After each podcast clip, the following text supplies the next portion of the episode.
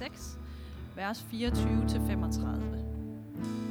Da skaren nu så, at Jesus ikke var der, og hans disciple heller ikke, gik de ombord i bådene og kom til Kapernaum og ledte efter Jesus.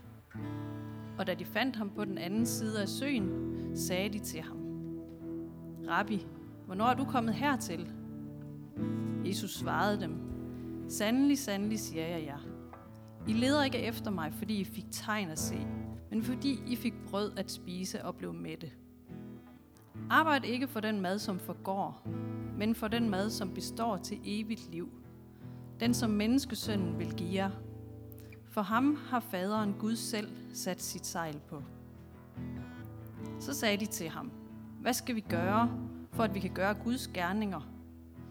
Jesus svarede dem, Guds gerning er den, at de tror på ham, som han har udsendt.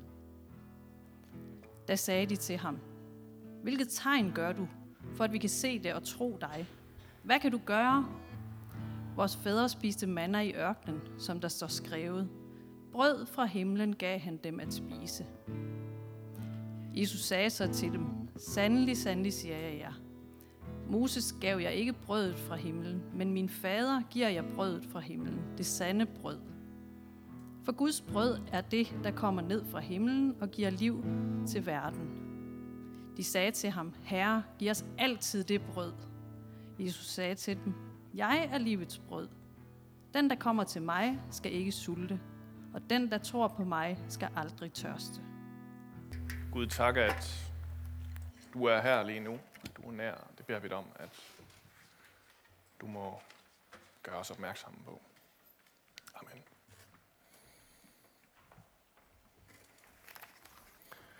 I dag så er det en lille smule rarere end sidste søndag. Der var jeg bange for, at I ville kaste sten efter mig, øh, når jeg var færdig. I dag så er jeg kun bange for, at I kaster brød efter mig. Og det gør lidt mindre ondt. Mindre det er nogle boller, jeg selv har bagt i hvert fald. Øh, og øh, vi er stadig i fasten. Øh, og det er altså den her tid i kirkeåret, som kirkefædrene har fundet på til os, som er beregnet til, at man lige kigger ind af en gang, for, øh, overvejer, hvad det egentlig er, man bruger sin tid, sin energi på, sit liv på. Og forhåbentlig også giver en en fornyet fokus på, at øh, det er Jesus, der skal være herre og vejleder i vores liv.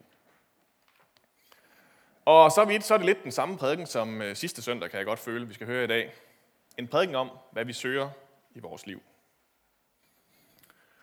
Og nu er vi så nået til midfaste søndag. Det vil sige, at hvis vi alle sammen var sådan rigtige, ordentlige katolikker, ligesom i gamle dage, så var vi rigtig, rigtig godt sultne nu. Så har vi måttet spise et måltid om dagen, og ingen kød de sidste 20 dage. Øh, og hvis jeg havde taget en bøf med på scenen, så var der ikke nogen, der ville kunne koncentrere sig nu her.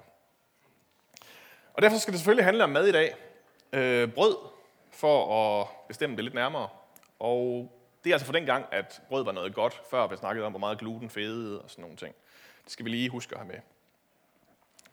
Ja. I december, så var jeg på Michelin-restaurant for første gang i mit liv. Øh, og jeg havde sådan glædet mig til, at nu kunne jeg endelig snakke med øh, alle de der gourmetvenner, der hele tiden fortalte om, hvor godt det hele var. Og sådan noget. Jeg, var, jeg var egentlig bare på Nyt Nordisk Spisehus øh, til frokost, fordi Morten han havde lyst til at fejre sin fødselsdag, min gode kollega.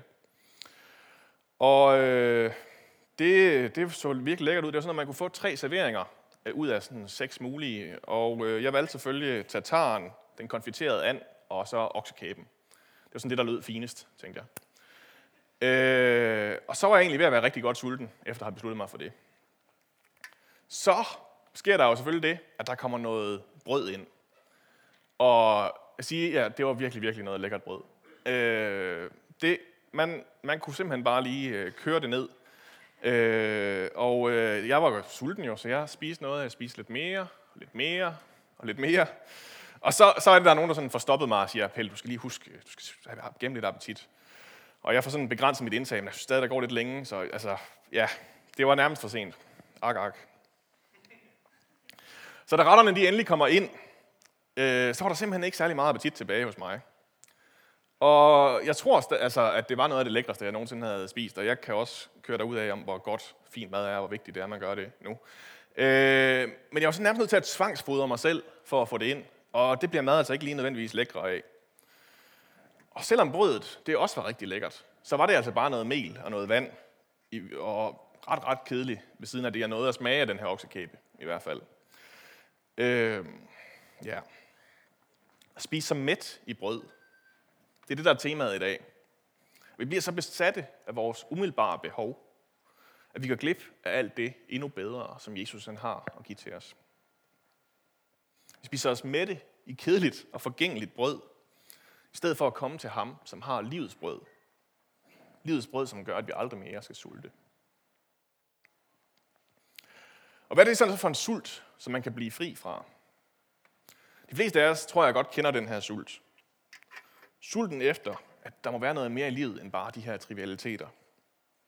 Vi kan føle os helt fanget ind i et liv, der bakker op i at stå for tidligt op, få vækket nogle børn, få dem til at spise, smøre madpakker, få børnene i skole, selv komme på arbejde, holde frokostpause, snakke med kollegaerne om vejret, og frustrere sig over chefens inkompetence, og så kigge tilbage på en arbejdsdag, hvor man ikke faktisk helt ved, hvad man har lavet, fordi man har bare svaret på mails hele dagen. Øh, og så skal man komme hjem, få hentet børn, og få mad i børnene, og få børnene lagt i seng til skrig og skrål. Og så lige få ragt ud efter fjernbetjening, og så sådan sappe formålsløst rundt mellem nogle kanaler, og man egentlig ikke helt ved, om man gider at forholde sig til alligevel. Så kan man endelig gå i seng og ligge og stige lidt op i loftet og falde i søvn, og så vågner man op i næste, morgen næste bag, og så fortsætter det igen. Og når vi en sjældent gang får tid til at stoppe op for det her, øh, så er det svært at tænke, at der, ikke at tænke, at der simpelthen må være mere i livet end bare det. Bare de her trivialiteter. Det sker bare ikke særlig tit. For når vi har et øjebliks fred og ro, så bliver vi så nærmest bange ind i, og så skynder vi os at fylde noget i det her hul. Om det så er Ben Jerry's eller Netflix eller noget træværk, der skal have noget olie, øh, eller hvad vi nu hver især lige har, som vi dæmper den her angst med, det er egentlig mindre vigtigt. Og det er det samme, der er sket for menneskene i dagens beretning. For en dag siden, så har de lige været vidne til det største mirakel i deres liv. De har været vidne til bespisningen af de 5.000 og selv spiser med det. Historien den var, at øh, de sidder herude på en mark, og det er gået op for dem, at der ikke er nogen, der har tænkt over, at de bliver sultne på et tidspunkt. Og det eneste der er, det er en lille dreng, der har en madpakke med fem brød og to fisk. Og øh, det tager Jesus fat i og deler det, og lige pludselig så bliver der mere end rigeligt mad til alle. Og historien slutter af med, at alle de her folk, de erklærer, at Jesus han må være profeten, der skal komme til verden. Nu er det så dagen efter, at Jesus han er forsvundet igen. Men de får opsporet, at han, er, han må være sejlet om på den anden side af søen. Og de skynder sig efter ham. De vil have noget mere af det her brød. Så de går på jagt efter Jesus. Og det er jo fromt og godt at gå på jagt efter Jesus. Men da de så finder Jesus, ja, så skælder han den nærmest ud. I leder ikke efter mig, fordi I fik tegn at se, men fordi I fik brød at spise og blev mætte. Jesu påstand, det er simpelthen, at de eneste de her mennesker, de tænker på lige nu, det er at få noget mere gratis mad. Og som studerende, eller en, der næsten lige har været det, føles det som om, så er jeg helt med på, at gratis mad, det er noget af det vigtigste. Deres maver har simpelthen fået dem til fuldstændig at glemme, hvad det egentlig var, de stod foran. At de, de havde bare tænkt, at nu kunne de slippe for en af menneskelivets største lidelser igen. Slip for at smøre madpakker. Og så får de skal ud i stedet. Og her kan Jesus svar synes sådan nærmest kontraintuitivt. Arbejd ikke for den mad, som forgår, men for den mad, som består til evigt liv. Den, som menneskesønnen vil give jer. Hvad betyder det? Hvad er det for sådan en ligegyldig tankegang, Jesus han prøver at hive fat i der? I, i Amerika, der kunne, jeg, der kunne jeg købe noget brød, som kunne holde sig sådan mange, mange måneder. Jeg ved ikke, om det er sådan noget, han snakker om. Snakker om. Det virkede ikke særlig sundt eller ægte eller godt. Men, øh, men det kan godt være, det er sådan noget, sådan noget brød, der bare er fyldt med tilsætningsstoffer. Nej, mad det rådner. Det ligger ligesom i det væsen. Det er det nødt til, fordi det er noget levende. Det har en livscyklus. Og nu siger Jesus, at han har noget mad, der ikke rådner. Der ikke er forgængeligt, men som faktisk består til evigt liv. Og det særlige ved den her mad, det er, at man ikke selv kan dyrke den. Man kan ikke selv skyde den, eller købe den i supermarkedet. Det er måske mere det, folk gør herinde. Øh, ja, nej, den her mad, den kan man kun få givet af Jesus. Den er de jo ikke lige helt med på, de her folk. De vil godt have metoden. Hvad skal vi gøre for at gøre Guds gerninger, spørger de. Ligesom alle os andre, så vil de have et system, hvor man kan fortjene sig til det bedste. Du kan gøre noget godt for mig. fair nok. Fortæl mig, hvad jeg skal gøre for, at du gør det. Det vil de gerne vide. Men det her det er ikke en lønforhandling eller en madpakkesmøring, der er på spil. Det her det er Guds rige, hvor økonomien den fungerer helt anderledes. Så Jesus han svarer med et ikke-svar. Og det var spørgsmålet, det var igen ikke også, hvad skal vi gøre for at gøre Guds gerninger? Jesus han svarer, Guds gerning er den, at I tror på ham, han har udsendt. De får simpelthen ikke lov at gøre Guds gerninger. De får lov at få Guds gerning. Tro på ham, han har udsendt. Jesus selv. Det er det, der er Guds gerning her. Men de her folk, de sidder stadig fast, fast i deres meritsystem. Og det er, sådan, man, det er ligesom at være tilbage i folkeskolens frikvarter. Hvilket tegn gør du, så vi kan se det og tro dig? Hvad kan du gøre? Vores fædre spiste manna i ørkenen, som der står skrevet. Brød fra himlen gav han dem at spise. Hvad kan du bare? De har simpelthen sendt Jesus til eksamen nu, og de har stadig ikke fattet en skid af, hvad det er, han vil lære dem. At hele det her system, det er ved at blive brudt ned. At i Guds rige, der er ens værdi ikke længere bundet op på, hvor højt man kan springe, eller hvor hurtigt man kan løbe. Eller den nye, hvad ens far har spist en gang. Det går jøder åbenbart op i. Øh, folkeskolen den er forbi nu. Og det er vi mange, der stadig ikke har fanget. Som stadig går rundt og måler os selv og andre hele tiden. Og finder på en eller anden måde ud af, at man er lidt bedre end dem. Eller hvis man har et andet temperament, at man er lidt dårligere end dem hele tiden. Øh, men alt det her, det hører altså til i det forgængelige rige nu. Tiden, hvor man kan løbe hurtigst eller hoppe højst, den er hurtigt over igen. Og det samme gælder egentlig for, for at være den klogeste eller den flittigste. Det kan jo være, at man kan holde den i lidt længere tid. Men øh, det stopper også en dag igen. I stedet for, i den her konkurrence, i stedet for den her konkurrence, så beder Jesus dem om at kigge op. Moses gav jeg ikke brød fra himlen, sande brød. For Guds brød er det, der kommer ned fra himlen og giver liv til verden. Det er selve livet, der er gaven. Ikke hvor højt vi kan hoppe. I stedet så kan vi kigge op og se på alle de gode gaver, som kommer oven ned. Og det kan de godt se fidusen i. Giv os det brød, siger de. Må vi sige det til dem, og må vi sige det med dem? Og så siger Jesus endelig tydeligt, hvad han egentlig har sagt hele tiden. Jeg er livets brød.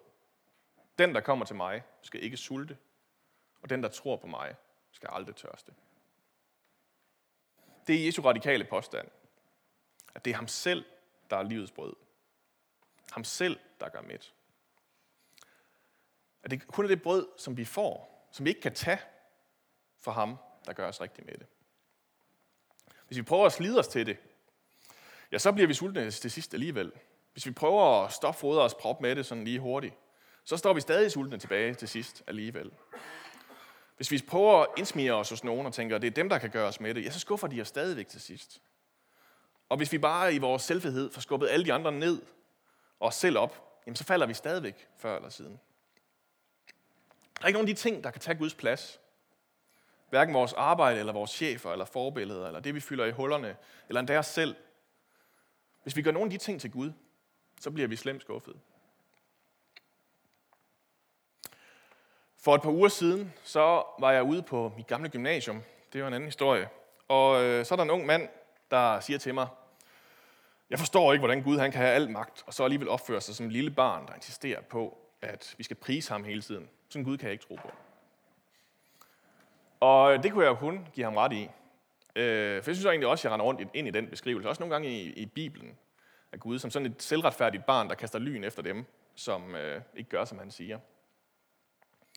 Og øh, mit ordentlige comeback, det fandt jeg først på nogle dage senere, så det går lige ud over jer nu. Øh, så fik jeg læst lidt Søren Kierkegaard. Øh, så nu må det lige gøre det ud for ham.